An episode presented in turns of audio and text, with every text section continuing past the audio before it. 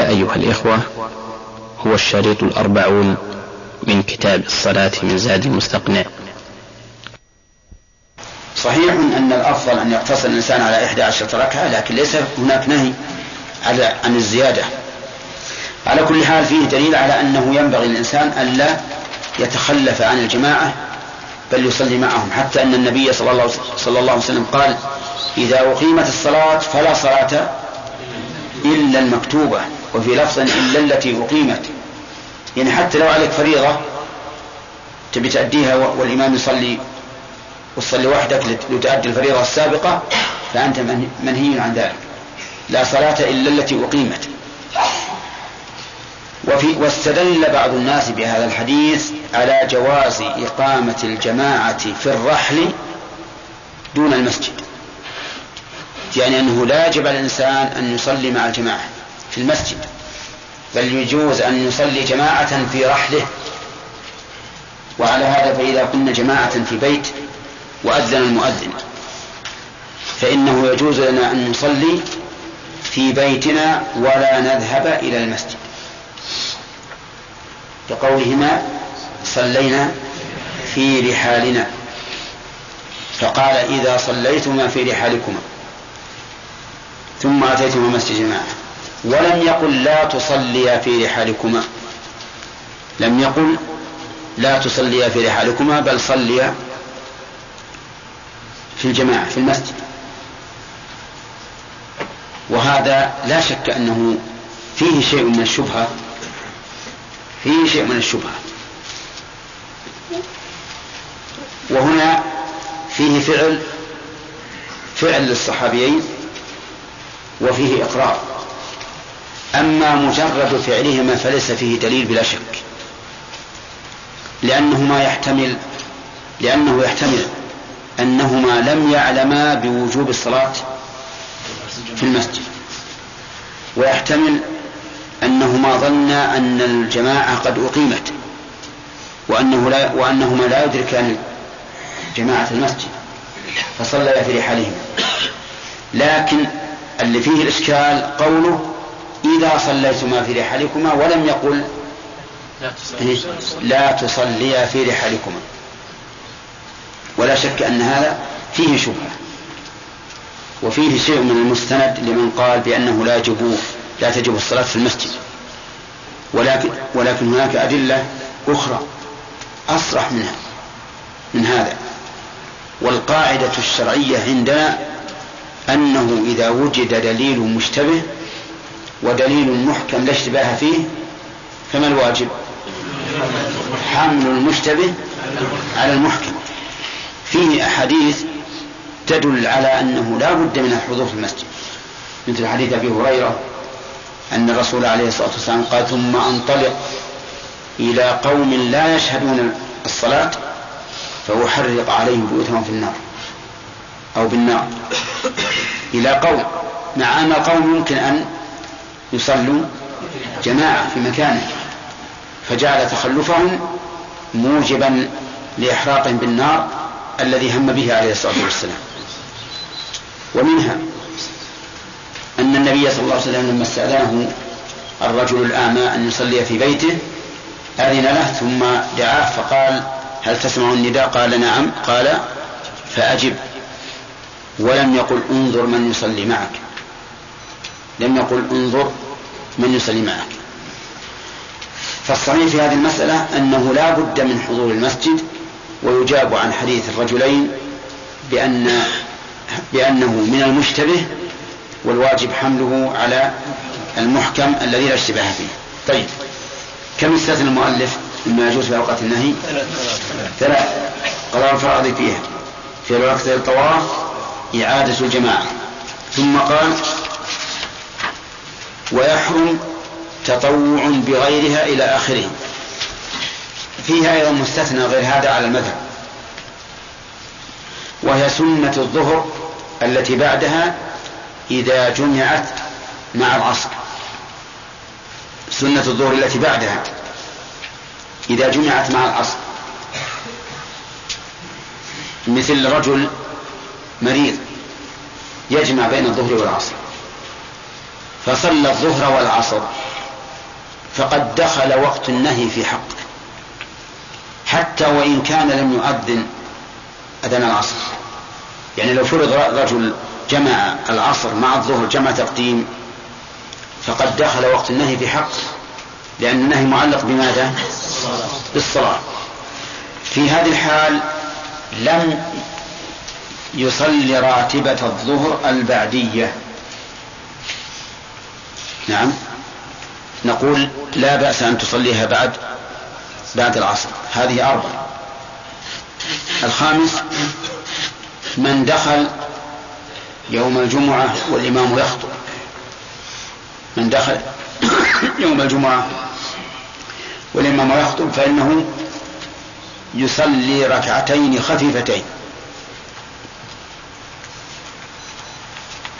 والدليل ذلك أن رجلا دخل والنبي صلى الله عليه وسلم يخطب يوم الجمعة فجلس فقال له أصليت قال لا.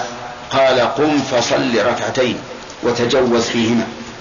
فلو فرض أن الإمام جاء قبل أن تزول الشمس والجمعة يجوز أن يحضر الإمام فيها قبل الزوال جاء قبل أن تزول الشمس وشرع في الخطبة عند قيام الشمس وقبل أن تزول يعني في وقت النهي.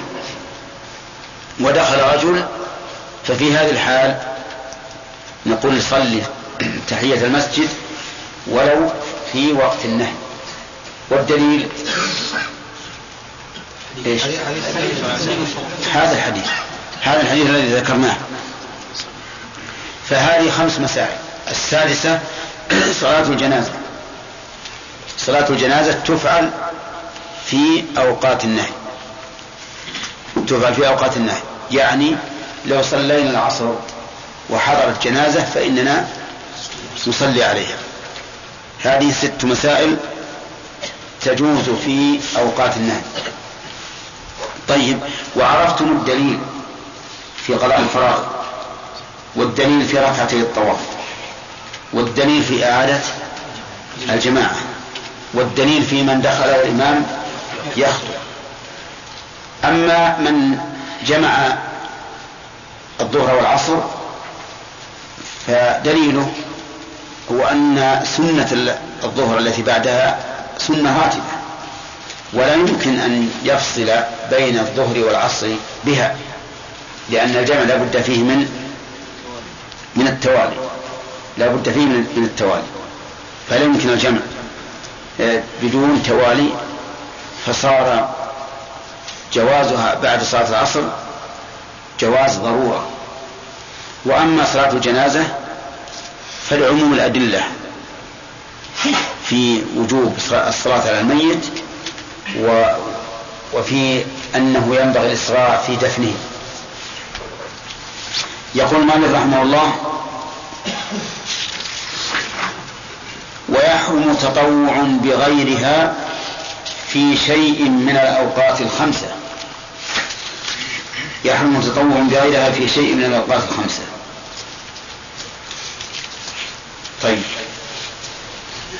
الأوقات الخمسة عرفتموها. أنها بالبسط خمسة على المذهب الآن نعدها على المذهب من طلوع الفجر إلى طلوع الشمس. من طلوعها حتى ترتفع قيد رمح عند قيامها حتى تزول من صلاة العصر حتى تشرع تشرع في الغروب إذا شرعت فيه حتى يتم. يقول مؤلف يحرم التطوع بغيرها أي بغير المتقدمات من إعادة الجماعة وركعتي الطواف وسنة وتحية المسجد لمن دخل والإمام يخطب. نعم. حتى ما له سبب.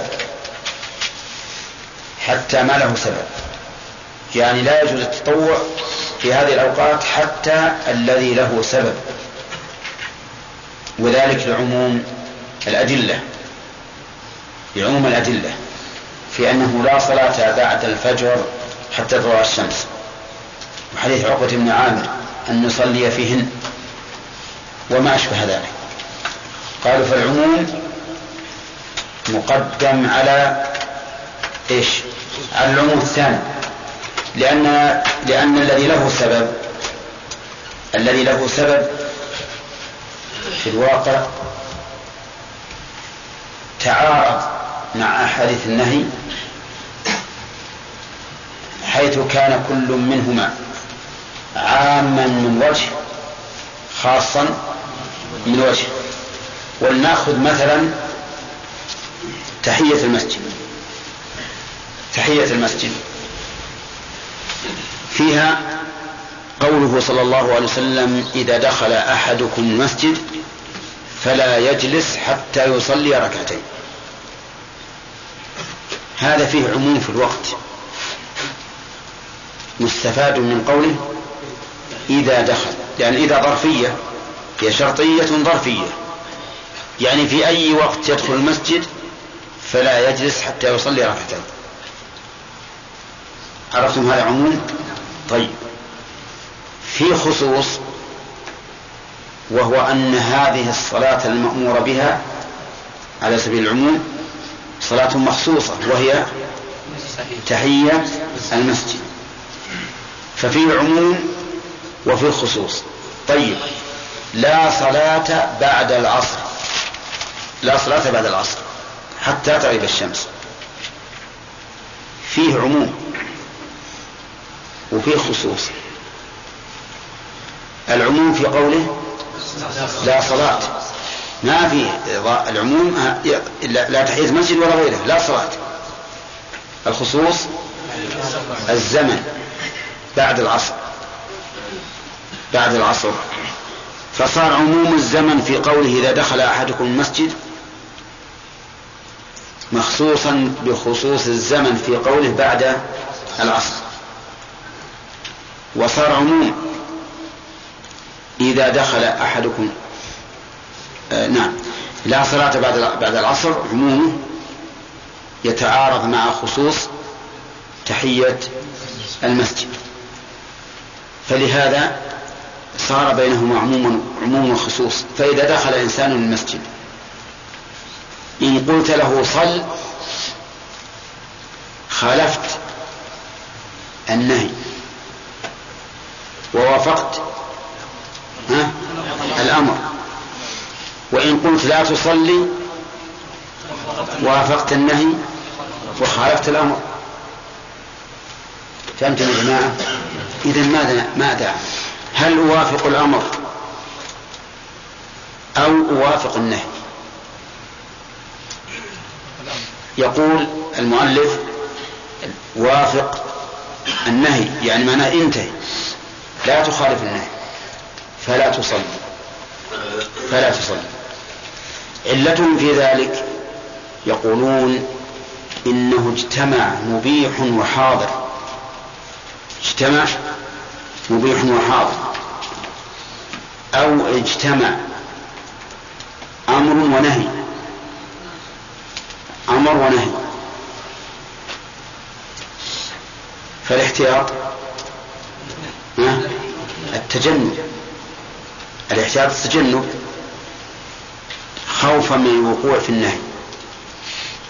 كما قالوا إذا اجتمع مبيح وحاضر قدم الحاضر. إذا اجتمع مبيح وحاضر قدم الحاضر. فلذلك نمنع. ونقتصر على ما ورد به النص من إعادة الجماعة وركعتي الطواف وما أشبهه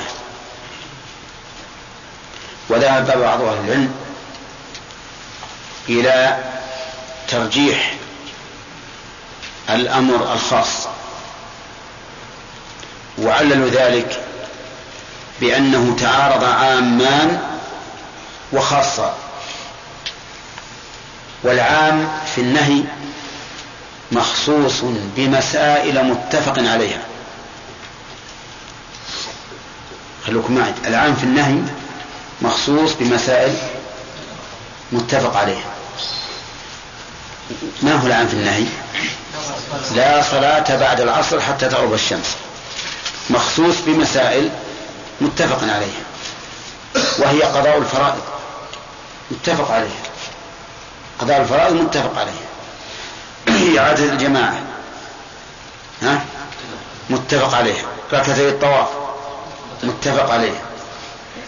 ركعتي تحية المسجد لمن دخل ولمن يخطب يوم الجمعة. متفق عليه.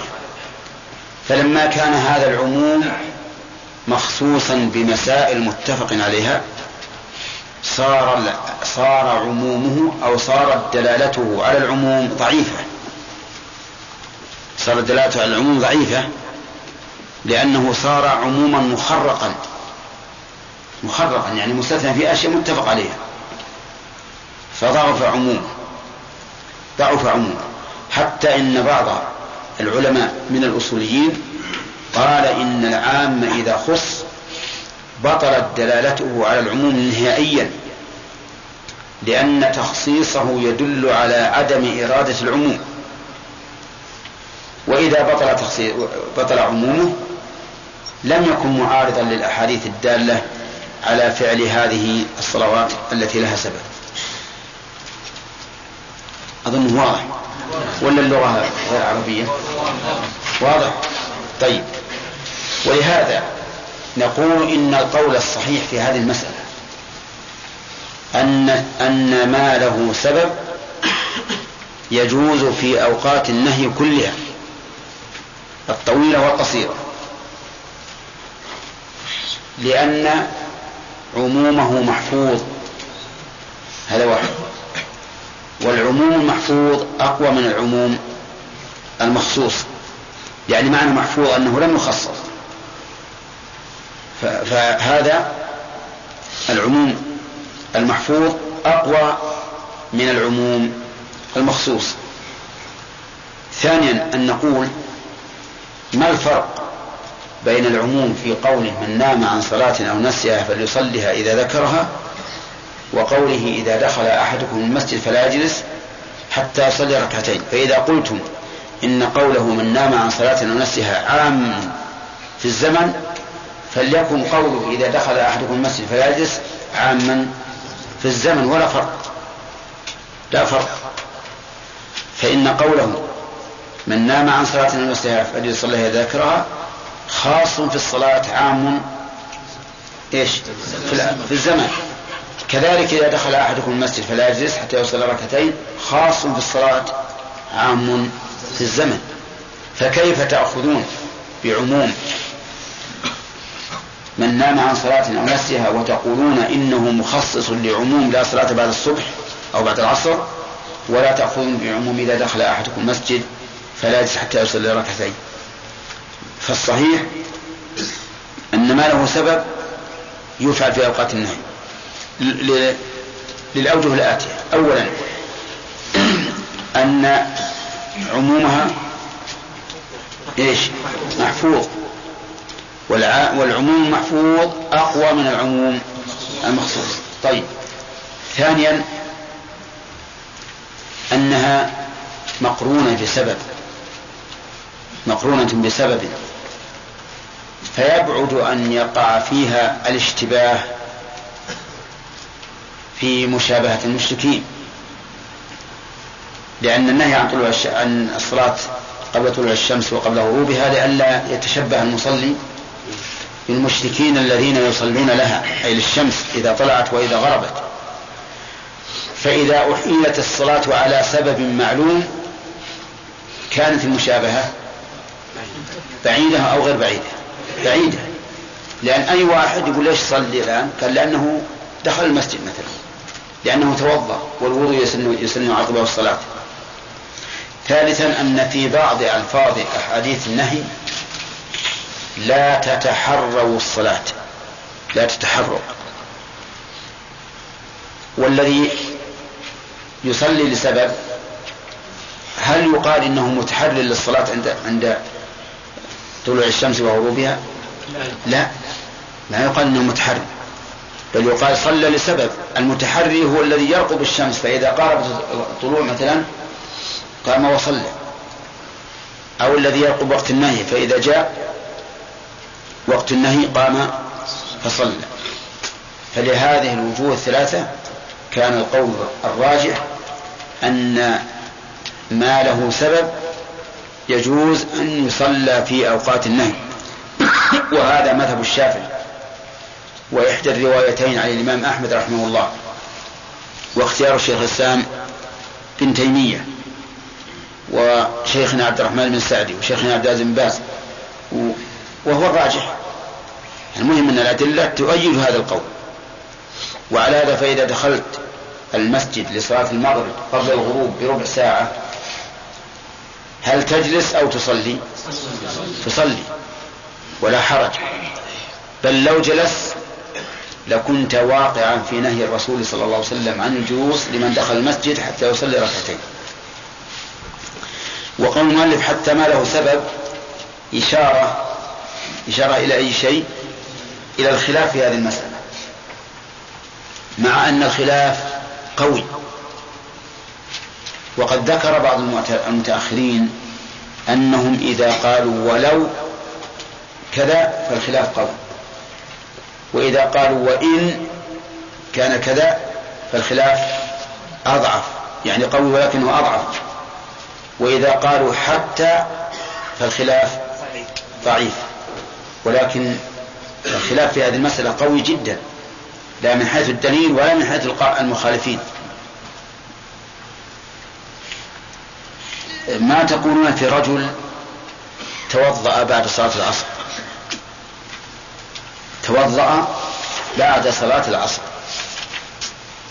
هل يصلي سنة الوضوء أو لا يصلي؟ لا. إن قلتم يصلي فخطأ. إن قلتم لا يصلي فخطأ. إن توضأ ليصلي ها؟ فلا يجوز. فلا يجوز لأنه تعمد الصلاة في أوقات النهي وإن توضأ للطهارة فحينئذ يصلي على القول بأنه يجوز أن يصلي النافلة التي لها سبب في أوقات النهي أما على رأي من يقول إنها لا يصلى من النوافل إلا ما خصصوها. نعم. فلا فلا يجوز فلا يجوز. طيب لو أن رجلا تقدم إلى صلاة المغرب يوم الجمعة في آخر النهار من أجل أن يصلي تحية المسجد حتى يشمله الحديث أن إن في الجمعة لساعة لا يوافقها عبد مسلم وهو قائم يصلي يسأل الله شيئا إلا أعطاه إياه. فهل نقول إن هذا حرام أو نقول إن هذا جائز؟ نقول إن, إن قصد المسجد ليصلي فهذا حرام كما قلنا لو توضأ ليصلي. وإن قصد المسجد من أجل التقدم لصلاة المغرب لصلاة المغرب ثم لما دخل قام يصلي ركعتين من أجل أنه دخل المسجد. فهذا لا بأس به. لا بأس به. حتى وإن كان لا يتقدم إلا يوم الجمعة. فإنه لا بأس به. إذا هناك فرق بين من يتوضأ ليصلي وبين من يتوضأ لا للصلاة ولكن قلنا له إذا توضأت فصل. أليس كذلك؟ نعم. ثم قال المؤلف رحمه الله باب صلاة الجماعة. نعم. نقف على الباب. طيب. عليك يا شيخ. ما نجاوب على حديث الرجلين في منى نعم نقول مثلا الصلاة في منى لا تشرع في المسجد؟ يعني يجوز الصلاة في الراحل أصلا. نعم. ما المسجد؟ مسجد مبني. في منى يا شيخ. إيه. الآن المشروع يا شيخ في منى الصلاة كيف؟ المشروع في منى إذا لم يشق أن يصلوا في المسجد. لكن لا شك أن الصلاة في المسجد في صعوبة الآن. في صعوبة؟ ولا حصل لك أيضا. لو تروح ما حصل لك إلا في في السوق الذي حول المسجد وكله ملوث بالنجاسات و... نعم. ينكر يا شيخ على من لم يصلي تحية المسجد بعد العصر؟ ينكر عليه ما ينكر. ما ينكر عليه لا ما ينكر. لأن بعض العلماء يقول ما تصلي والمسائل الخلافية لا تنكر لكن لا بأس أنك مثلا تناقشه. إذا كان أهلا للنقاش. أما إذا كان مقلد إذا كلمت قال ما أنت بعرف من فلان. فهذا ما يمكن تقول. نعم. أحمد. أحمد. ها؟ إيه نعم. مصلى العيد يصلى في تحية المسجد. لأنه مسجد ولهذا منع النبي عليه الصلاة والسلام من حيض منه. ولا, ولا تمنع المرأة الحائض إلا من مسجد. يقول الرسول صلى الله عليه وسلم تسمع النداء؟ قال نعم. قال فأجز هل هذا يعني يحمل على النداء الذي يعني بدون ميكروفون. هو الظاهر هو الظاهر لأن لو اعتبرنا النداء بالميكروفون كان ما شاء الله يصل أقصى البلد. فلو أنكرنا يعني على واحد يعيد بيته ولكن يسمع بالميكروفون ولو بالميكروفون يعني يجوز له أن يصلي في بيته. ما يجوز إلا إذا كان في مشقة. لأن قول رسول لأن قول رسول هل تسمع النداء؟ معناه أنك لما سمعت النداء أجب. ولهذا لو فرض لو فرض أنك ما تسمع أنت لطرش يعني لصمم وجب عليك. ثم لو قلنا بما بهذا كان حصل فيه تلاعب لأنه إذا كان الهواء من جهتك. نعم؟ سمعت يصير الفجر حيث أن الهواء شمال وأنت جنوب عن المسجد. ها يجب عليك حضور الجماعة. والظهر لما كان الهواء جنوب وأنت أنت جنوب عن المسجد. ما تسمع. نقول ما تجب عليك. كيف يعني نحمد على يعني معناه ما ما ما جاء ما ما كان يسمعه لولا المانع وجب عليه. نعم. بالنسبة للامر في قوله صلى الله عليه وسلم إذا دخل أحدكم المسجد فلا يصلي فلا يجلس حتى يصلي ركعتين. نعم. النهي. هذا مو أمر هذا نهي. لا الأمر بالصلاة بس إن ولا هو أمر بالصلاة. طيب النهي عن عدم الجلوس عن الجلوس قبل الصلاة. نعم. ما له ها؟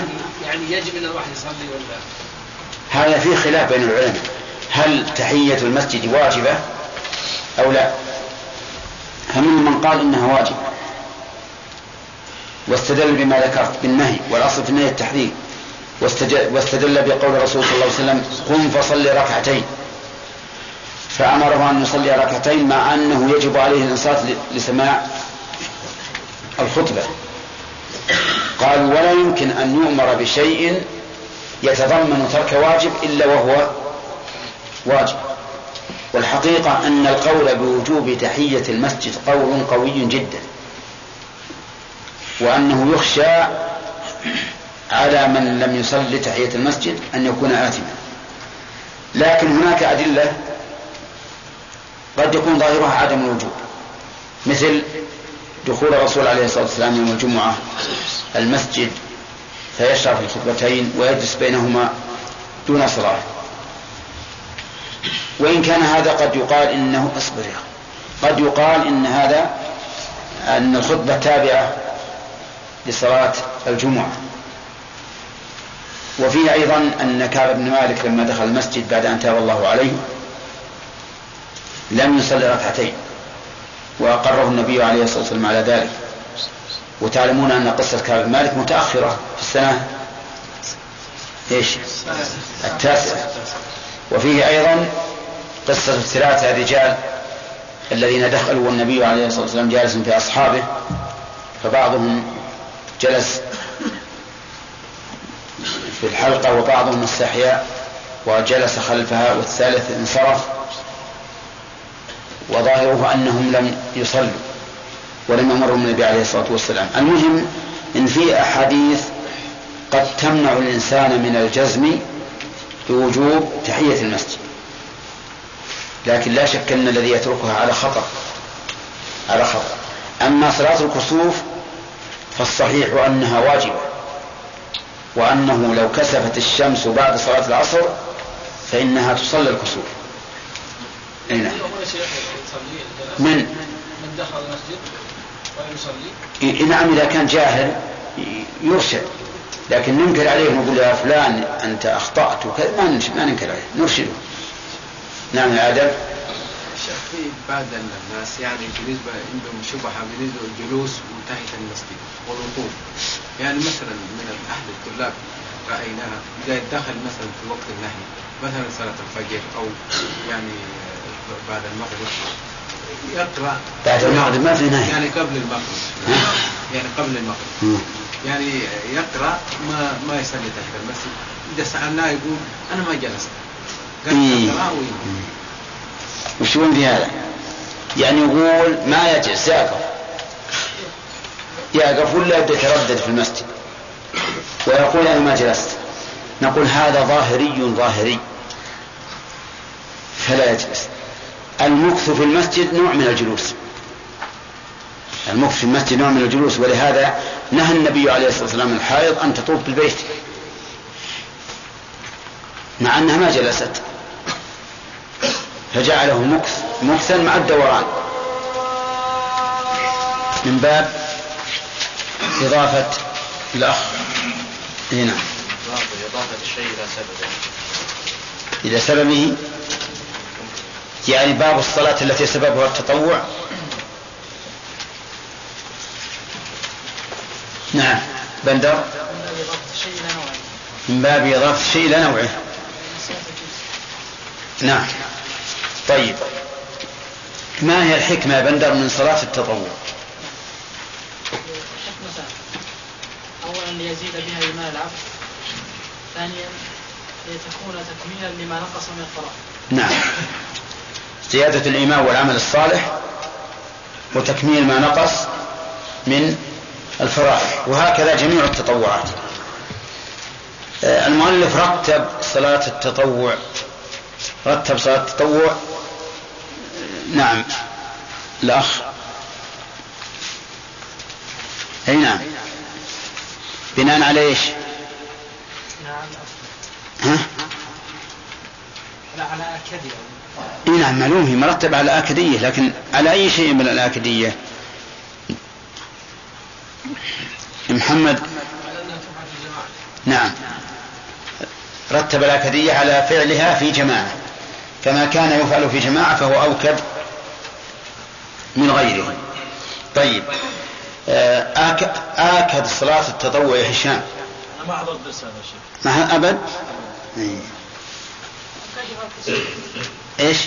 أكدها كسوف ثم استصفاء ها. ثم وتر ثم؟ تراويح ثم وتر ثم- حسب قول المؤلف تمام.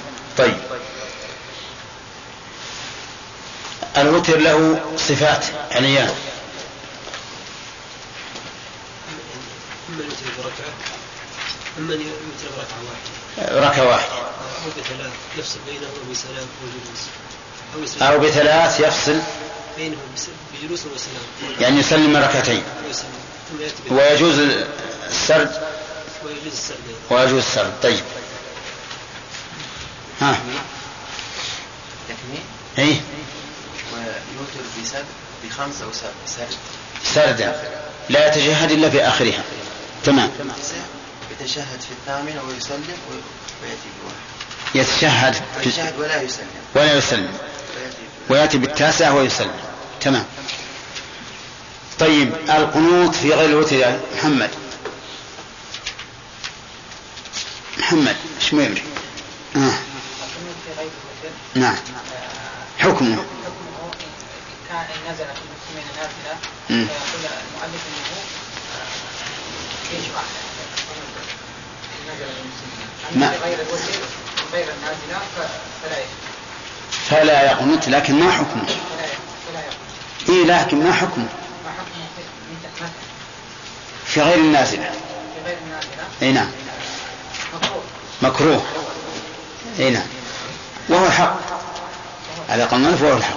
طيب يا حمد هل يستثنى من النوازل شيء؟ ما هو؟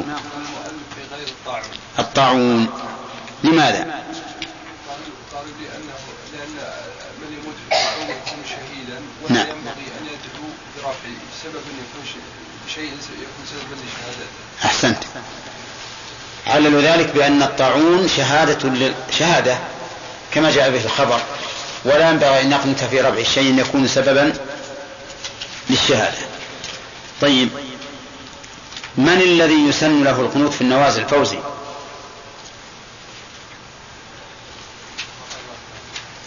أحمد؟ الإمام الإمام الإمام الأعظم. يعني رئي- الرئيس الأعلى في الدولة. هو الذي يسن له أن يقنت أما من سواه؟ فقد اختلف فيه. والمؤلف يرى؟ ومن سواه لا يقنت. من سواه لا يقنت. طيب. آه، ما هو ما هي العلة؟ الأخ. ما هي العلة في أنه لا يقنت في النوازل إلا الإمام الأعظم؟ يعني بقية المساجد ما تقنت. ها؟ أن ذلك ورد عن النبي صلى الله عليه وسلم أن النبي صلى الله عليه وسلم قنت ولم ينقل أن غيره من المساجد قنتوا هذا واحد. هذا دليل. يعني آه، إنه لو قنت مثلا مسجد فلان وبقي مسجد فلان لقالوا فلان كاره له وفلان إيش محب لهم فصار آه. خلاف والتواصل بين لكن يبغى ما نقول كلهم يقنتون إذا جاء أمر من الإمام. طيب. ها كي يجتمعوا يا شيخ في مسجد واحد لا.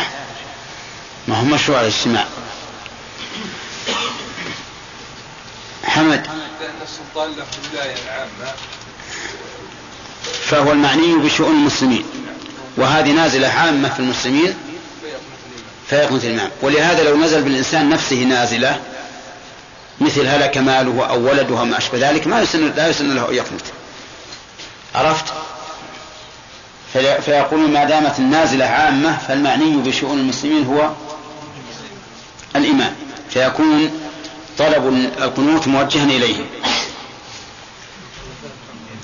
طيب التراويح كم عددها؟ أي نعم. 11 ركعة 12 ركعة. ها؟ 11 ركعة أو 13 ركعة وقد تزيد. أحسنت. والمؤلف الشراء أي طيب. أحمد. اللي ترى انهم قالوا شوفه التراويح 23 ركعه مع الوتر ثلاث.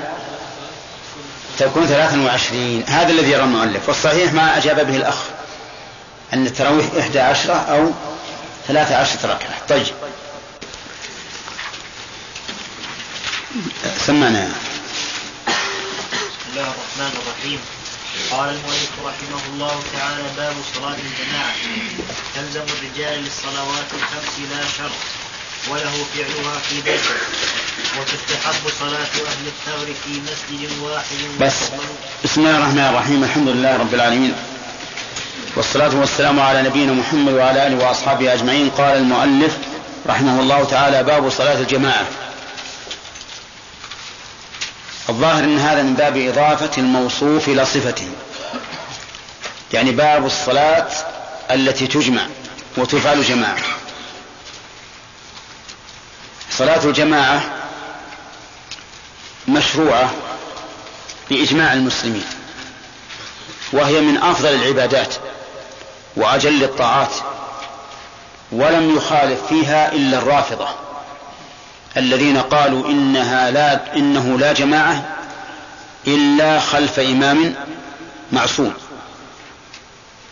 ولهذا لا يصلون جمعة ولا جماعة. قال فيهم شيخ الإسلام رحمه, رحمه الله إنهم خربوا المساجد أو هجروا المساجد وعمروا المشاهد يعني القبور. فهم لا يرون, لا يرون الجماعة وإلا فإن المسلمين جميعا اتفقوا على مشروعيتها ولم يقل أحد بأنها غير مشروعة ولا بأنها جائزة. ولا بأنها مكروهة. لكن اختلفوا في فرضيتها. هل هي فرض أو سنة مؤكدة أو فرض كفاية؟ يعني هل هي فرض عين أو فرض كفاية أو سنة مؤكدة؟ وهي واجبة كما سنذكره. قال المؤلف تلزم الرجال. تلزم اللزوم الشيء الثبوت. لزوم الشيء يعني ثبوته. وشيء لازم أي ثابت لا بد منه. والفقهاء رحمهم الله تارة يعبرون بتلزم وتارة يعبرون بتجب وتارة يعبرون بفرض وما أشبه ذلك. وكلها عبارات مختلفة اللفظ متفقة. إيش؟ المعنى. واللفظ المختلف مع اتفاق المعنى يسمى عند علماء اللغة يسمى مترادفا. قال المؤلف تلزم الرجال. تلزم هذا وصف والرجال وصف. فنبدأ أولا بذكر دليل الحكم الذي هو اللزوم. لأن تلزم يعني ليس السنة. بل هي واجبة. ودليل ذلك أي دليل وجوبها من كتاب الله وسنة رسوله صلى الله عليه وسلم. ففي القرآن قال الله تعالى وإذا كنت فيهم فأقمت لهم الصلاة فلتقم طائفة منهم معك. فلتقم. واللام للأمر. والأصل في الأمر الوجوب. فلتقم طائفة منهم معك. ويؤكد أن الأمر الوجوب هنا أنه أمر بها مع الخوف مع أن الغالب أن الناس إذا كانوا في خوف تكون يكونون متشوشين يحبون أن يبقى أكثر الناس يرقب العدو. فلتقم طائفة معك وليأخذوا أسلحتهم. وليأخذوا أسلحتهم معهم حتى لا يفجأهم العدو. وظاهر الآية أنه لا فرق بين السلاح الخفيف والثقيل والطاهر والنجس كما لو كانت السيوف متلوثة بالدماء. وقد رخص العلماء رحمهم الله هنا في حمل السلاح النجس للضرورة. فإذا سجدوا فليكونوا من ورائكم. سجدوا بمعنى أتموا صلاتهم. ولتأتي طائفة أخرى لم يصلوا يعني لم يصلوا مع الأولى فليصلوا معك. وليأخذوا حذرهم وأسلحتهم. الطائفة الثانية أمروا بأمرين بأخذ الحذر والسلاح. والأولى بأمر واحد وهو أخذ السلاح والسبب ظاهر لأن الطائفة الثانية ربما يكون تكون صلاتهم في وقت تفطن العدو لهم وعرف أن نصف الجند مشتغلون بالصلاة فيكون توقع هجومه أقرب من توقع هجومه في في الطائفة الأولى. ولهذا قال وليأخذوا حذرهم وأسلحتهم. طيب. فهنا أمر الله عز وجل بصلاة الجماعة وتفريق الجند إلى طائفتين فيستفاد منه أن صلاة الجماعة فرض عين. فرض عين. وجه ذلك أنها لو كانت فرض كفاية لسقط الفرض بإيش؟ بصلاة الطائفة الأولى. بصلاة الطائفة الأولى. إذا فهي فرض عين. يؤخذ من هذه الآية الكريمة أنها فرض وفرض عين. أما الأحاديث يعني السنة فكثيرة. منها حديث أبي هريرة رضي الله عنه. أن النبي صلى الله عليه وسلم قال لقد هممت أن آمر بالصلاة فتقام. ثم آمر رجلا فيصلي بالناس. ثم انطلق معي برجال معهم حزم من حطب إلى قوم لا يشهدون الصلاة فأحرق عليهم بيوتهم بالنار. فقد هم بذلك لكنه لم يفعل. ولم يمنعه من الفعل لأن الصلاة ليست بواجبة. إذ لو كانت غير واجبة ما صح أن ينطق بهذا اللفظ. لو كانت غير واجبة لكان هذا الكلام لغوا لا فائدة منه. لكن الذي منعه والعلم عند الله أنه لا يعاقب بالنار إلا رب النار عز وجل. وإن كان قد روى الإمام أحمد وبعض أصحاب السنن أنه قال لولا ما فيها من النساء والذرية لكن هذه الزيادة ضعيفة. ولكننا لسنا بحاجة لها. نقول الذي منعه هو أنه لا يعاقب بالنار إلا الله. ولولا الوجوب لكان هذا القول إيش؟ لغوا لا فائدة منه. وش الفائدة أنك تخبر بأنك هممت بأن تحرق هؤلاء على أمر ليس بواجب عليهم. طيب كذلك أيضا استأذنه رجل أعمى أن لا يصلي فقال له تسمع النداء؟ قال نعم قال فأجب. وأيضا أخرج أصحاب السنن أن النبي صلى الله عليه وسلم قال من سمع النداء فلم يجب فلا صلاة له إلا من عذر. وقال وصح في في مسلم. جاء في صحيح مسلم عن ابن مسعود رضي الله عنه. قال لقد رأيتنا يعني مع رسول الله صلى الله عليه وسلم وما يتخلف عنها إلا منافق أو مريض أو قال منافق معلوم النفاق أو مريض.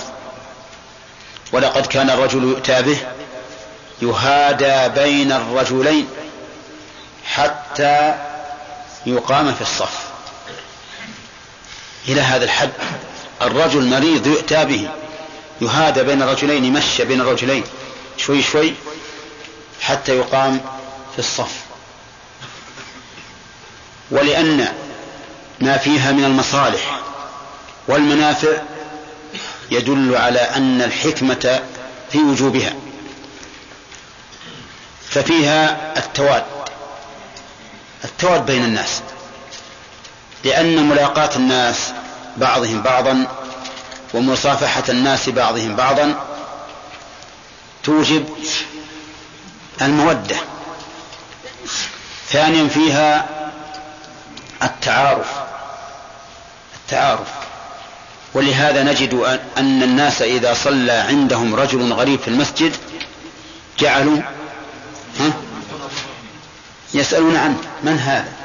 من الذي صلى معنا؟ فيحصل التعارف. والتعارف فيه فائدة. من منها أنه قد يكون قريبا لك فيلزمك من من صلته بقدر قرابته.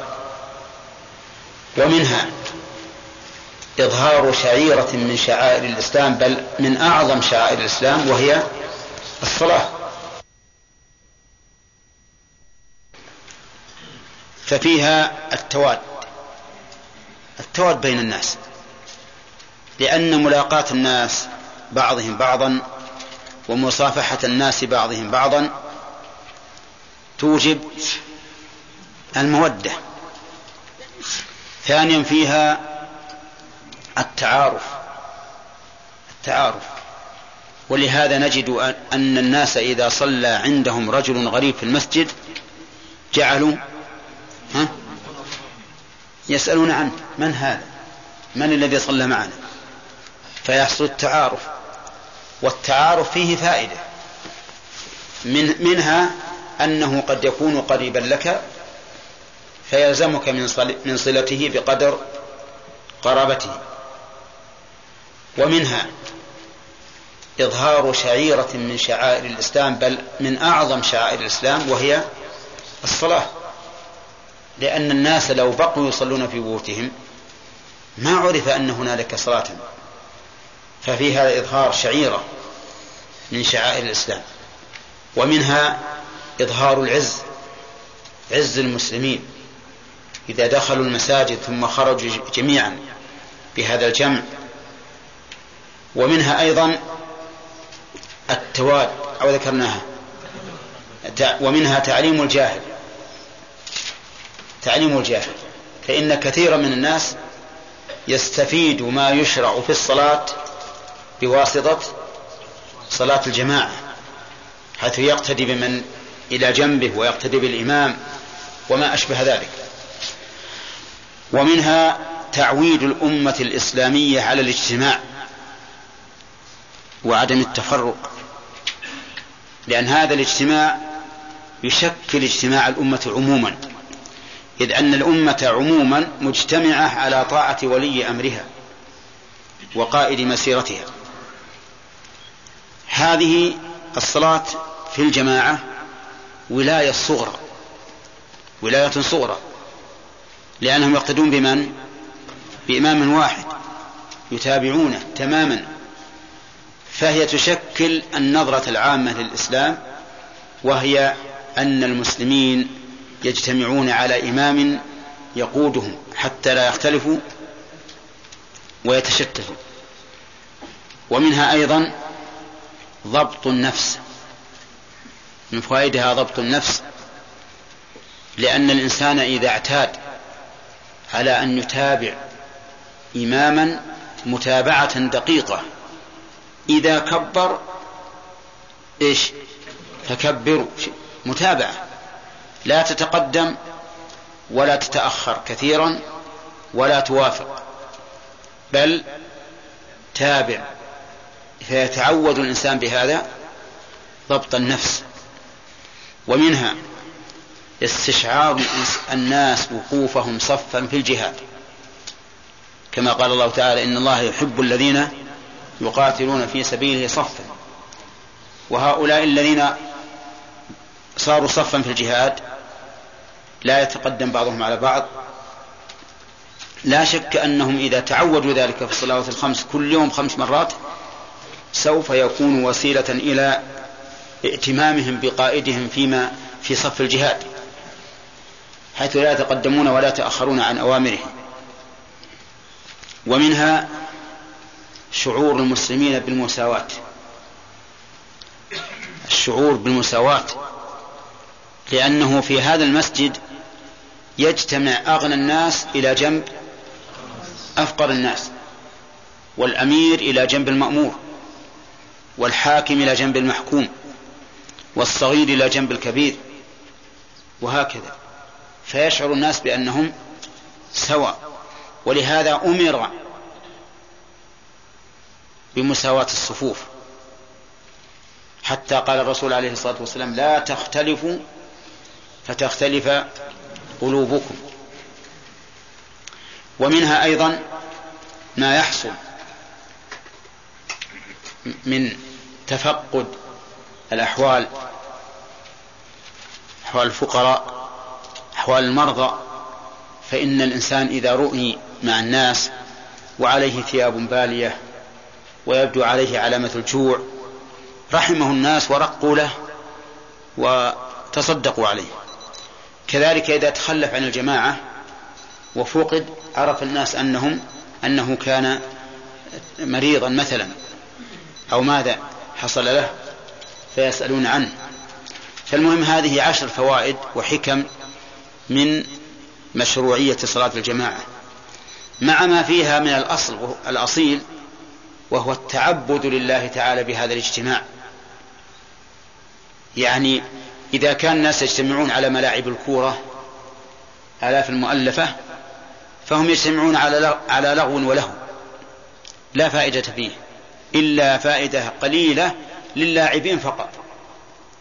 أما المشاهدون فليس لهم فائدة إطلاقا. أقول إذا كانوا يجتمعون على هذا فاجتماعهم على هذه الصلاة التي هي أعظم أركان الإسلام بعد الشهادتين عبادة عظيمة لله عز وجل. في فيؤدون بذلك هذه العبادة العظيمة.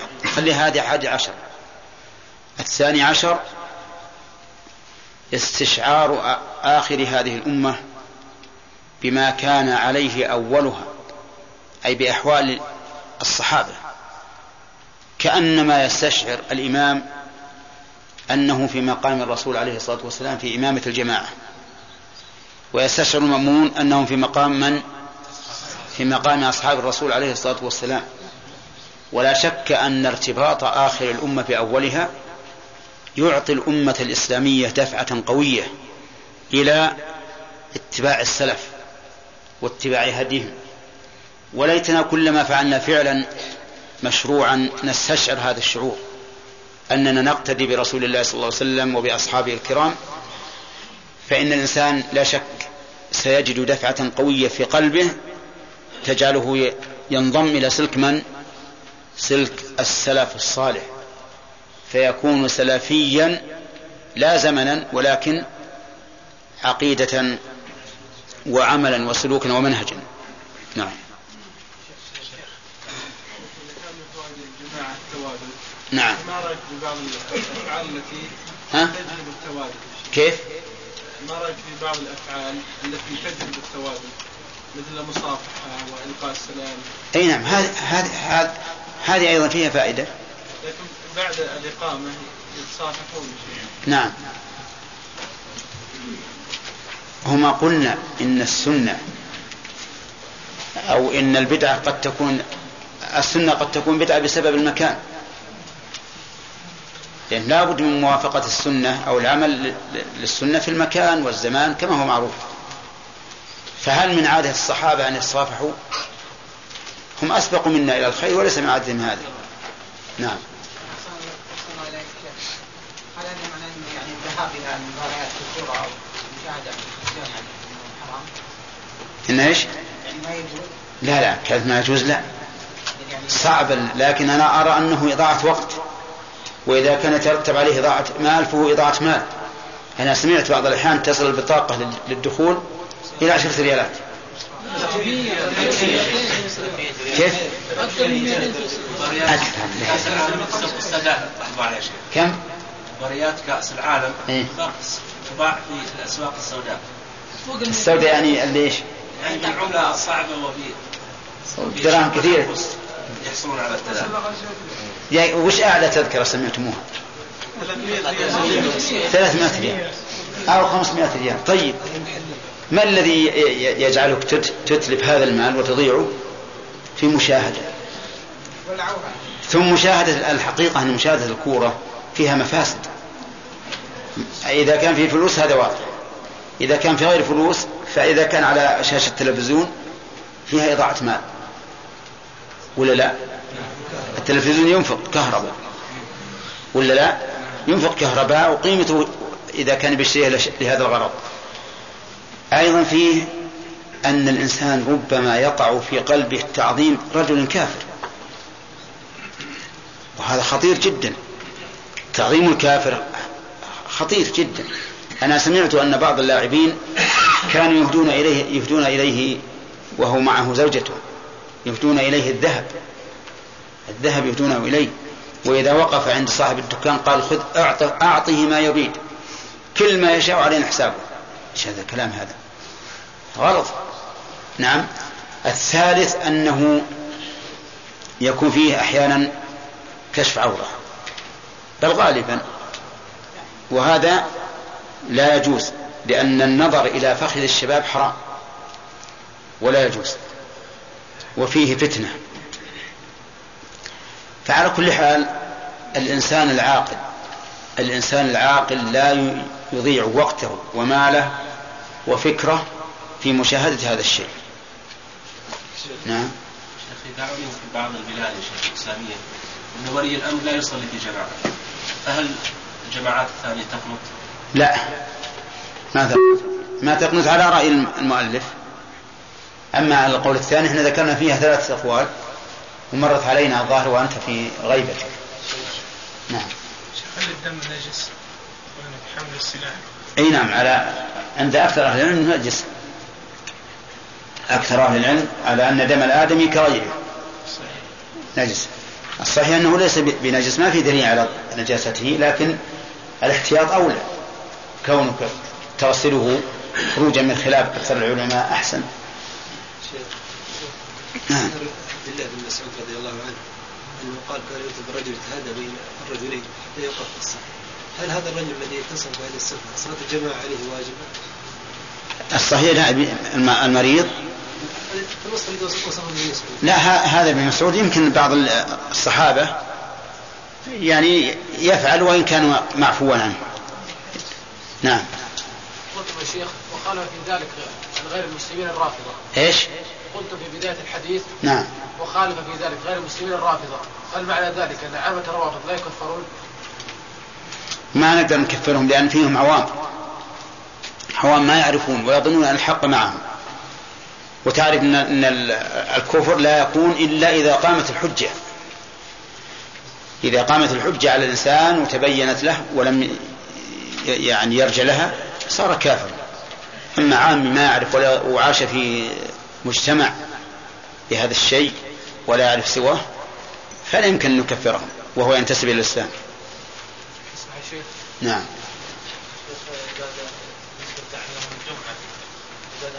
رجل قام الثاني هل يعني يقول كما يقول مأذن أو يتطوع؟ الصحيح أنه يصلي تحية المسجد. يقول إن أمكنه أن يقول أما على رأي شيخ الإسلام يمكن أن يقول لأنه يرى أنه يجوز تجوز متابعة المؤذن ولو كان الإنسان يصلي. عند الشيخ الإسلام رحمه الله يقول كل ذكر وجد سببه في الصلاة فهو مشروع. كالعطاس وإجابة المؤذن وما أشبهه. فأما على القول بأنه لا يجيب في حال الصلاة فنقول لأن استماع الخطبة أهم من إجابة المؤذن. فإن استماع الخطبة واجب وإجابة المؤذن ليست بواجبة. ثم إنه إذا بادر بالصلاة صلاة تحية المسجد أولى من تأخيرها. فيستفيد فائدتين الفائدة الأولى المبادرة كما هو الأصل في تحية المسجد والفائدة الثانية التفرغ لسماع الخطبة. هنا.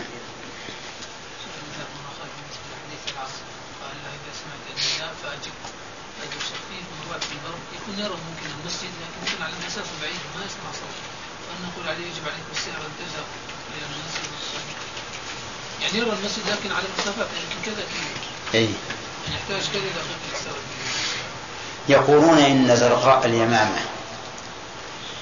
ترى الشيء مسيرة ثلاثة أيام. فإذا كان رجل قوي البصر ويرى المسجد مسيرة ثلاثة أيام نقول له اذهب إلى المسجد لتصلي الظهر. فيبقى ثلاثة أيام ما وصل عشان يصلي الظهر قبل ثلاثة أيام. يعني المسافة. يعني تعتبر بعيد. على كل حال هذه تأتي إن شاء الله في الخلاف. هل تجب الجماعة في المسجد أو الواجب حصول الجماعة ولو في البيت؟ فيها خلاف. إذا قلنا الواجب حصول الجماعة ولو في البيت فمعناه يجوز نصلي جماعة في بيتنا أو المسجد إلى جانبنا ولكن سيأتي الخلاف في هذا. نعم. إيه ما ما ضبطت نعم محمد. وين الغروب تقريبا عشر دقائق؟ حنا ما قيدناه يا جماعة في قلنا عند الغروب كالذي عند الشروق. عبد الرحمن. لا. أي نعم. قبل تقرب دقائق. وبين يعني ذكرنا لكم بارك الله فيكم. تضيف الشمس الغروب إذا كان بينها وبين الغروب رمح. قيد رمح تقريبا عشر دقائق أو أكثر. المهم قيد رمح كما جاء كما ذكر في طلوع الشمس. طيب. صلاة الجماعة حكمها. واجبة. دليل ذلك؟ أن الرسول صلى الله عليه وسلم المعنى معنى الحديث. أنه لو أجد واحدا يصلي بدالي لأحرقت بيوت من لا يصلوا من لا يحضرون الجماعة اللي ما يحضرون الجماعة يحرق عليهم بيوتهم بالنار. نعم. طيب. في غير هذا من القر- القرآن؟ ما في دليل من القرآن؟ إن الله عز وجل لم يسقط صلاة الجماعة في حالة الخوف في حالة الحرب. نعم. أوجبها في حال الحرب ففي حال الأمن؟ فهي من باب اولى من باب أولى. طيب.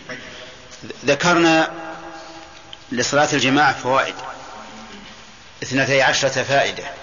نعم أولا التعارف التعارف بين المسلمين. تعارف بين المسلمين التواد بينهم. ثالثا الاعتياد الصفوف أمام الصف- الصفوف عند مقابلة الأعداء. يعني كأنه تهيئة. فهي نعم. ضبط النفس. نعم. لأن الذي يصلي وحده دائما لا يستقر ولا يطمئن في صلاته. نعم. خامسا التعبد لله سبحانه وتعالى. نعم. سادسا احياء شعيرة من شعائر الإسلام. إظهار إظهار. إظهار شعيرة. من شعائر الإسلام. طيب هذه ست. البقية؟ الوقوف صفا واحدا كما في الجهاد. ذكرها تعلم الجاهل. تعليم الجاهل. نعم. إظهار عز الإسلام بإظهار الجماعة. مو هذا يعتبر هار شعيرة من شعائر الإسلام؟ إنه يعني إذا كان مثلا فيهم فقير يعني يعني العطف على الفقير مثلا آه. المسكين. يعني تفقد نعم تفقد أحوال المسلمين. المسلمين نعم. إنسان فقير إنسان مرض إنسان تخلف يساعد وي- ويعاون على البر والتقوى نعم. ها؟ عموم وبركة إيش؟ عموم وبركة البركة؟ كيف؟ بركة يعني حصول الأجر بذلك؟ طيب. نعم. محمد؟ أحمد أحمد. ذكرناه. محمد استشعار آخر هذه الأمة أولا مم. نعم. استشعار آخر هذه الأمة بحال أولها كأنما هم آه، الصحابة مع الرسول صلى الله عليه وسلم. نعم. ما هو صلاة الجماعة؟ لأن الإسلام ما كان فيه يعني فائدة في هذا. إيش؟ ما هو فيه صلاة الجماعة؟ أي. ما كان الإسلام فيه يعني شعائر. يعني معناه إظهار الشعائر هذا ذكرناه. شاكر. تعليم الأمة على الاجتماع. وعدم التفرق إيه. لا يعني معناها إن إنه يعود الأمة الاجتماع وعدم التفرق نعم. التساوي بين الفقير والغني. نعم. التساوي في الدين بين الأغنياء والف- والفقراء والصغار والكبار. نعم محمد. أظن ذكرناها. هب- الآن تحدثنا عشان اي إظهار عز المسلمين عند دخول المساجد والخروج منها. ليش؟ إظهار عز المسلمين عند دخولهم في مساجد المجتمعين وخروجهم منها. كيف ذلك؟ عندما يدخلون المساجد اي يكون في إظهار لعز المسلمين عند استقبال جموعهم وكذلك عند الخروج. ما ما يمكن هذه اذا إذا صار مثل أمام الأعداء أو مثل هم ي- بعضهم يعني يعتز ببعض. يعني التقوية. تقويه الروح المعنوية فيه طيب يمكن هذا آخر ما يقول مالك رحمه الله تعالى تلزم قلنا إن كلمة تلزم وتجب نعم بمعنى واحد. تلزم الرجال. الرجال الرجال جمع رجل والرجل هو الذكر البالغ. فيخرج بذلك النساء. يخرج بذلك النساء. فالنساء لا تلزمهن صلاة الجماعة لأنهن لسن من أهل الاجتماع ولسن ممن يطلب منهن إظهار الشعائر لأن النبي صلى الله عليه وسلم قال بيوتهن خير لهن. ولكن اختلف العلماء هل الجماعة سنة للنساء؟ والمراد المفردات عن الرجال أو مكروهة أو مباحة. فيها ثلاثة أقوال لأهل العلم. فمن العلماء من قال إنها سنة. لأن النبي صلى الله عليه وسلم أمر أم ورقة أن تؤم أهل دارها. ومنهم من قال إنها مكروهة. وضعف الحديث. وقال إن المرأة ليست من أهل الاجتماع. وإظهار الشعائر. فيكره لها أن تقيم الجماعة في بيتها. ولأن هذا غير معهود في أمهات المؤمنين وغيرهن غاية ما فيه هذا الحديث الذي فيه نظر فلا يمكن أن نشرع حكما إلا بدليل يطمئن إليه. ومنهم من قال إن هذا مباح. وقال إن النساء من أهل الجماعة في الجملة ولهذا أبيح لها أن تحضر إلى المسجد لإقامة الجماعة. فتكون إقامة الجماعة في بيتها مباحة مع ما في ذلك من التستر والاختفاء. وهذا القول لا بأس به. هذا القول لا بأس به. أنها مباحة وإن فعلت أحيانا فلا حرج. المهم أن قوله الرجال أخرج به صنفين من الناس. من؟ النساء والصبيان غير البالغين. وخرج بذلك أيضا صنف ثالث وهم الخناثة. الخنثى وتكلم عليه الفقهاء في باب الفرائض. هو الذي لا يعلم أذكر هو أم أنثى. هذا هو الخنثى هذا لا يجب عليه لا تجب عليه الجماعة. وذلك لأن الشرط فيه غير متيقن. والأصل إيش؟ براءة الذمة. الأصل براءة الذمة وعدم شغلها. فما دام وصف الوجوب ليس متيقنا فيه وهو الرجولة فإنها لا تجب عليه. إذا خرج بذلك ها؟ ثلاثة أصناف. آه ذكر في نعم عموم كلام المؤلف الرجال. عموم كلام المؤلف الرجال يدخل فيه العبيد. يدخل فيه العبيد. فتلزم صلاة الجماعة العبيد. لأن النصوص عامة ولم يستثن منها العبيد. ولأن حق الله مقدم على حق البشر. ولهذا لو أمره سيده بمعصية حرم عليه أن يطيعه. فإذا كان لا يجوز للعبد أن يفعل المعصية بأمر سيده فكيف إذا لم يأمره؟ وهو إذا ترك الجماعة فقد فعل معصية.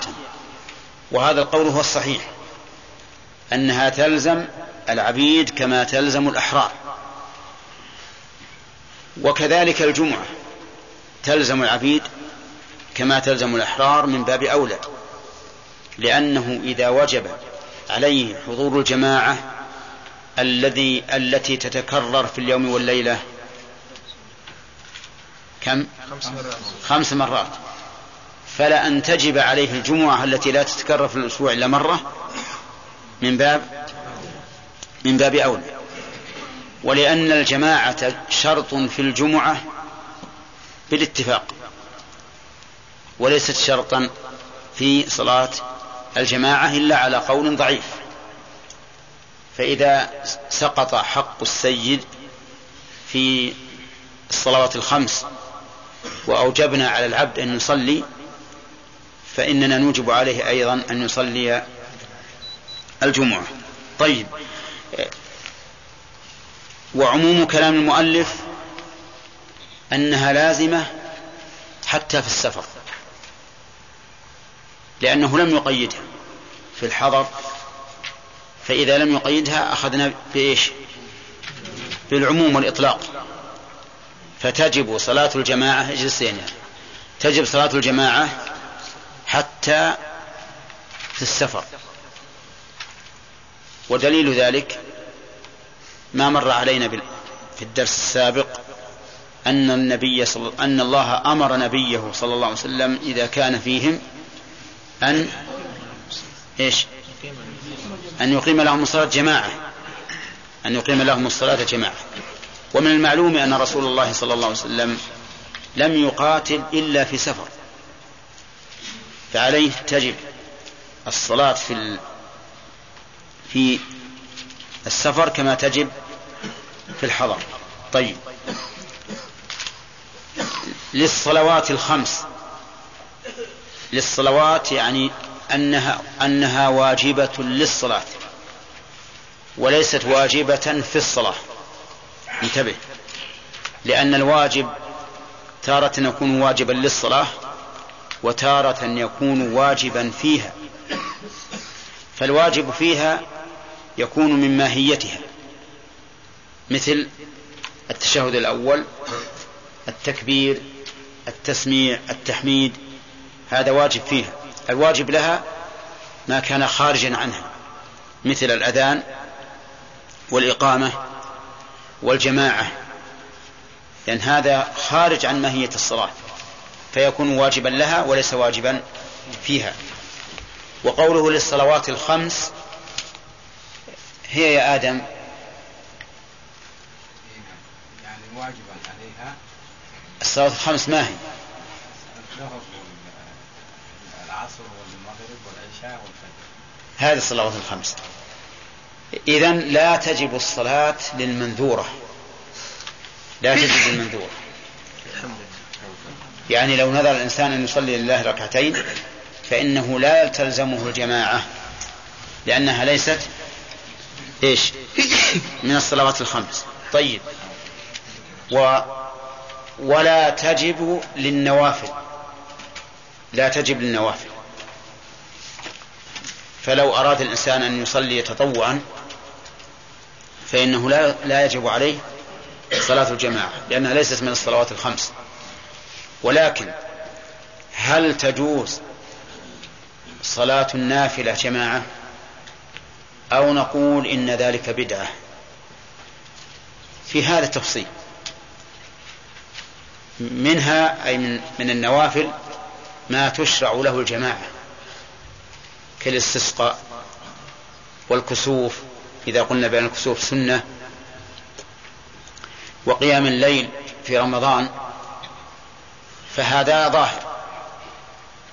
ومنها أي من النوافل ما لا تسن له الجماعة كالرواتب تابعة للمكتوبات وكصلاة الليل في غير رمضان فهذا لا تشرع له جماعة. لكن لا بأس أن يصليه جماعة أحيانا. لا بأس أن يصليه جماعة أحيانا. ودليل ذلك أن الرسول صلى الله عليه وسلم كان يصلي أحيانا جماعة في صلاة الليل كما صلى معه ابن عباس وصلى معه حذيفة بن اليمان وصلى معه عبد الله بن مسعود. وأحيانا يصلي حتى صلاة الليل جماعة. كما صلى بأنس وأم سليم ويتيم مع أنس. وكما صلى جماعة في عتبان ابن مالك رضي الله عنه في بيته حين طلب من النبي صلى الله عليه وسلم أن يأتي إليه ليصلي في مكان يتخذه عتبان مصلى. ففعل النبي عليه الصلاة والسلام. المهم صلاة النافلة الآن فهمنا أنها تنقسم إلى قسمين. قسم يشرع له الجماعة مثل؟ الكسوف. والاستسقاء. وقيام رمضان. وقسم لا يشرع له جماعة لكن لا بأس من فعله أحيانا كالرواتب وصلاة الليل في غير رمضان وبقية النوافل. طيب للصلوات الخمس. قوله للصلوات الخمس ظاهره أنه لا فرق بين أن تكون مؤداة أو مقضية. أنه لا فرق بين أن تكون مؤداة أو مقضية. المؤدات ما فعل في وقته والمقضي ما فعل بعد وقته.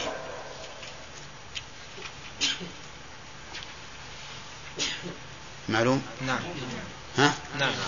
المؤدى ما فعل في وقته والمقضي ما فعل بعد وقته. فلو كان جماعة في سفر ناموا في آخر الليل ولم يستيقظوا إلا بعد طلوع الشمس فالصلاة في حقهم ها؟ قضاء لأنها بعد الوقت. فظاهر كلام المؤلف أن الصلاة جماعة تجب عليه. أن الصلاة جماعة تجب عليه. وهذا الظاهر هو الصحيح. أنها تجب للصلوات الخمس ولو مقضية. على أن الإنسان الذي الذي يؤخر الصلاة عن وقتها لعذر شرعي لا تكون الصلاة في حقه قضاء. بل هي أداء على القول الصحيح. لقول النبي صلى الله عليه وسلم من نام عن صلاة أو نسيها فليصلها إذا ذكرها. لا كفارة لها إلا ذلك وتلا قوله تعالى وأقم الصلاة لذكر. لكن على كل حال الصحيح أنها تجب للمقضية لعموم الأدلة ولأن النبي صلى الله عليه وسلم لما نام عن صلاة الفجر هو وأصحابه في سفر كما في حديث أبي قتادة أمر بلالا فأذن ثم صلى سنة الفجر ثم صلى الفجر كما يصليها في العادة جماعة ويجهر بالقراءة. فإذا نام قوم في السفر ولم يستيقظوا إلا بعد طلوع الشمس قلنا لهم افعلوا كما تفعلون في العادة تماما أذنوا وقولوا الصلاة خير من النوم وصلوا سنة الفجر وأقيموا الصلاة واجهروا فيها بالقراءة كالعادة. وقول المؤلف تلزم الرجال للصلوات الخمس. ظاهر كلام المؤلف أنها وجوب عين. أنها تلزمهم وجوب عين. يعني أنها فرض على الأعيان. انتبهوا. فرض على الأعيان. وهذا القول هو الصحيح. أنها فرض على الأعيان على كل واحد. ومقابل هذا القول أنها فرض كفاية. إذا قام به بها من يكفي سقطت عن الباقي. وقول آخر أنها سنة وليست بواجب. وكلا القولين ضعيف. أما القول بأنها سنة فقد سبق لنا الأدلة الدالة على وجوب صلاة الجماعة. ولا أعلم للذين قالوا بأنها سنة إلا أنهم استدلوا بقوله صلى الله عليه وسلم صلاة الجماعة أفضل من صلاة الفذ بسبع وعشرين درجة. فقالوا أفضل والأفضل ليس بواجب. ولكن هذا الاستدلال ضعيف جدا لأن المراد هنا بيان ثواب صلاة الجماعة. لا حكم صلاة الجماعة. ولهذا قال أفضل بسبع وعشرين درجة. أما لو قال أفضل فقط لو قال صلاة الجماعة أفضل من صلاة الفذ لكان الاستدلال قد يكون له وجه. لكن أما لم قال أما لو أما لما قال أفضل بسبع فعلم بهذا أنه يريد بيان أن أجرها إيش؟ أفضل وأكثر. أفضل وأكثر. ونقول لهم أيضا هل تقولون إن الإيمان بالله واجب؟ ها؟ لا شك أنه يكون واجب. ومع ذلك قال الله تعالى هل أدلكم على تجارة تنجيكم من عذاب أليم تؤمنون بالله ورسوله وتجاهدون في سبيل الله بأموالكم وأنفسكم ذلكم خير لكم. خير يعني أخير وأفضل. فهل تقولون إن الإيمان بالله والجهاد في سبيله سنة؟ ما لا أحد يقول بذلك. هل تقولون إن صلاة الجمعة سنة؟ لأن الله قال يا أيها الذين آمنوا إذا نودي للصلاة من يوم الجمعة فاسعوا إلى ذكر الله وذروا البيع ذلكم خير لكم من البيع. هل تقولون إنه سنة؟ ما لا أحد يقول بأن صلاة الجماعة الجمعة سنة. المهم أن هذا الاستدلال ضعيف جدا. طيب. قال المؤلف رحمه الله تعالى لا شرط. نعم. أنا عندي لا شرط. وغيبت الكتاب هذا على أنها لا شرط. نعم. على أنها لا شرط. والصحيح من حيث العربية لا شرط. أما لا شرطا فلا تصح. لأن لا لا تتحمل الضمير حتى نقول إن اسمها مستتر وأن شرطا خبره ولكن لا شرط أي لا هي شرط. يعني ليست صلاة صلاة الجماعة شرطا في صحة الصلاة. فلو صلى الإنسان منفردا بلا عذر فصلاته إيش؟ صحيحة. لكنه آثم. صلاته صحيحة لكنه آثم. طيب. المؤلف قال لا شرط. قد يقول قائل لماذا قال لا شرط؟ فنقول إنه قال لا شرط لئلا يتوهم واهم أنه لما كانت صلاة الجماعة واجبة كان تركها عمدا مبطلا للصلاة. كواجبات الصلاة. فإن واجبات الصلاة إذا تركها عمدا بطل الصلاة. فنفى هذا التوهم بقوله لا شرط. وقد يقال إنه قال لا شرط دفعا لقول من يقول إنها شرط لصحة الصلاة. فصار الآن لو سألنا سائل لماذا قال المؤلف لا شرط مع أنه لا حاجة إليه؟ قلنا يحتمل أمرين. الأمر الأول دفع توهم بطلان صلاة المنفرد بلا عذر حيث إنه قال إنها واجبة. والمعروف أن الواجب إذا تركه الإنسان عمدا بطل الصلاة. الثاني؟ احتمال الثاني. أي دفع. قول من يقول إنها شرط. والذي قال إنها شرط لصحة الصلاة الشيخ الإسلام ابن تيمية رحمه الله وابن عقيل وكلاهما من الحنابلة وهو رواية عن الإمام أحمد. وعلى هذا القول لو صلى الإنسان منفردا بلا عذر شرعي فصلاته باطلة. كما لو ترك الوضوء مثلا. طيب إذا قال قائل لا بد أن أن تبينوا لنا الدليل الذي تمسك به من قال إنها شرط للصحة. فنقول استدل هؤلاء بأن الجماعة واجبة. واجبة للصلاة. توعد النبي صلى الله عليه وسلم على من يتوعد من تركها بأن يحرق بأنه هم أن يحرق عليهم بيوتهم بالنار. وإذا كانت واجبة فالقاعدة الشرعية أن من ترك واجبا في عبادة بلا عذر فإن تلك العبادة تبطل. تبطل. هذه القاعدة الشرعية.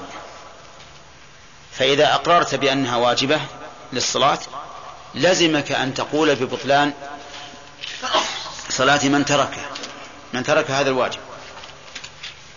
ولكن هذا القول ضعيف. هذا القول ضعيف. ويضعفه أن النبي صلى الله عليه وسلم قال صلاة الجماعة أفضل من صلاة الفذ بسبع وعشرين درجة.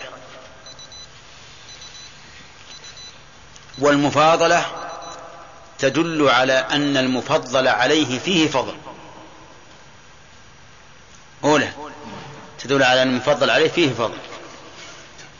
ويلزم من, من وجود الفضل فيه أن يكون إيش؟ أن يكون صحيحا. لأن الصحيح لأن غير الصحيح ليس فيه فضل بل فيه إثم. وهذا دليل واضح. على أن صلاة الفرد صحيحة ضرورة أن فيها أتم أن إثم. صحيحة ضرورة أن فيها فضل فضلا. إذ لو لم تكن صحيحة لم يكن فيها فضل لكنه آثم. لكن شيخ الإسلام رحمه الله أجاب بأن هذا الحديث في حق المعذور.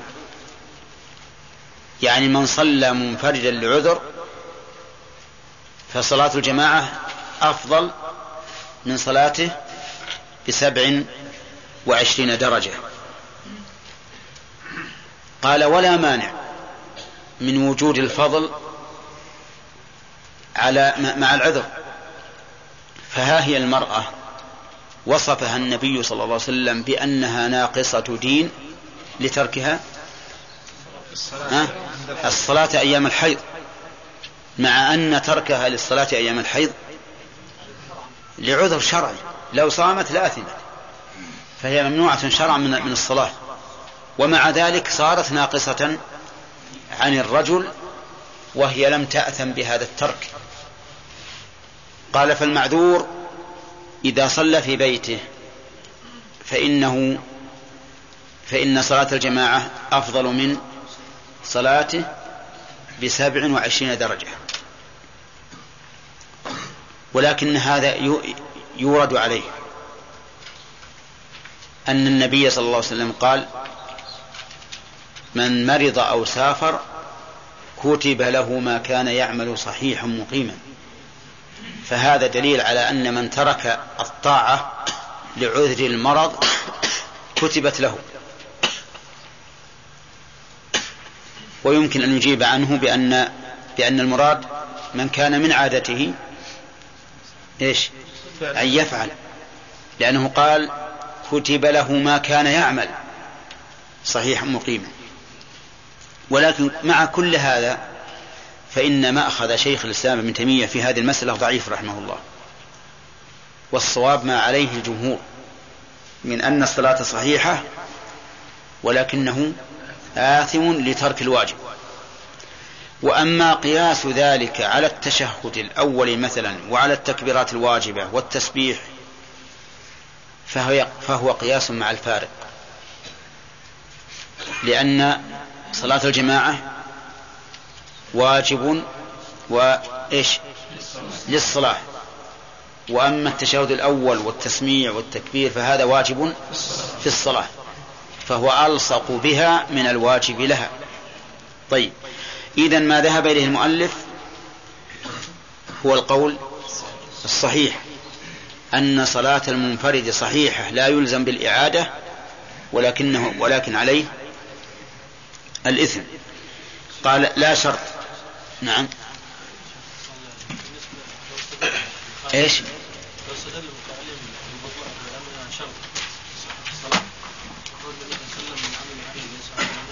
نعم. مثل الرجل الصلاه حتى مثل إيش؟ مثل الرجل الصلاه حتى وقتها فيصلي لا بينها فرق لأن الصلاة لا تصح إلا في هذا الوقت. لا ما ترك ترك عمل. ترك عملا واجبا أما الصلاة مأمور بها. الصلوات الخمس مفروضة. نعم. وجيب من سمع النداء ثم لم يأتي فلا صلاة. نعم. هذا الحديث يقال إن المراد لا صلاة كاملة بدليل حديث أبي هريرة وابن عمر صلاة الجماعة أفضل من صلاة الفجر. إيش؟ اذا قلنا ان صلاة الجماعة انها فرض عين. نعم. فلا يلزم من صلاة لا لا لأن لأن الجماعة وصف فيها ما هو يعود على ذاتها وصف اجتماع الله أكبر. الله رحمه الله تعالى وله فعلها في بيته وتستحب صلاة أهل الثغر في مسجد واحد والأفضل لغيرهم في المسجد الذي لا تقام فيه الجماعة إلا بحضوره ثم ما كان أكثر جماعة ثم المسجد العتيق وأبعد ثم المسجد الكسر. ثم المسجد العتيق وأبعد وأبعد أولى من أبعد. وأبعد أولى من أقرب. ويحرم أن يؤم في مسجد قبل إمامه الراتب بس. إلا بإذن بسم الله الرحمن الرحيم. الحمد لله رب العالمين. والصلاة والسلام على نبينا محمد وعلى آله وأصحابه ومن تبعهم بإحسان إلى يوم الدين. سبق لنا بيان حكم صلاة الجماعة وأنها واجبة. وأن الدليل عليها من كتاب الله. وسنة رسوله صلى الله عليه وسلم وكذلك ما تتضمنه من المصالح العظيمة يؤكد وجوبها. وسبق أنها لا تجب لا تجب إلا على الرجال دون الإناث ودون الصغار. وسبق أنها تجب على القول الراجح على العبيد لعموم الأدلة. وسبق أيضا أنها تجب للصلوات الخمس سواء كانت مؤدات أو مقضية على القول الراجح. وسبق لنا أن العلماء اتفقوا على أنها من أجل الطاعات وأفضل العبادات ولكن اختلفوا هل هي سنة أو فرض عين أو فرض كفاية أو شرط.